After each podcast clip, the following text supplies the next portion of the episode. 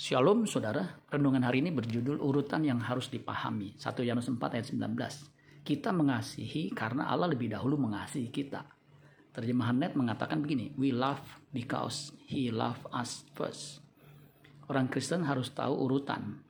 Urutan pertama yang mengasihi adalah Allah lebih dahulu mengasihi manusia, bukan sebaliknya. Kasih Allah sejak manusia diciptakan hingga manusia jatuh dalam dosa tidak pernah berkurang. Buktinya Yohanes 3 ayat 16. Karena begitu besar kasih Allah akan dunia ini, sehingga ia telah mengaruniakan anaknya yang tunggal, supaya setiap orang yang percaya kepadanya tidak binasa, melainkan beroleh hidup yang kekal.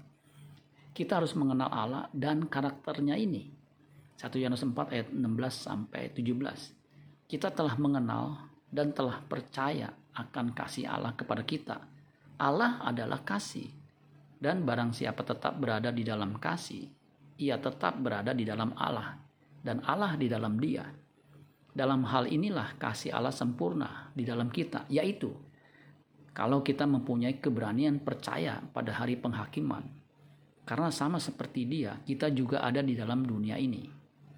Bukti kita mengenal dan mengalami kasihnya adalah mengasihi sesama.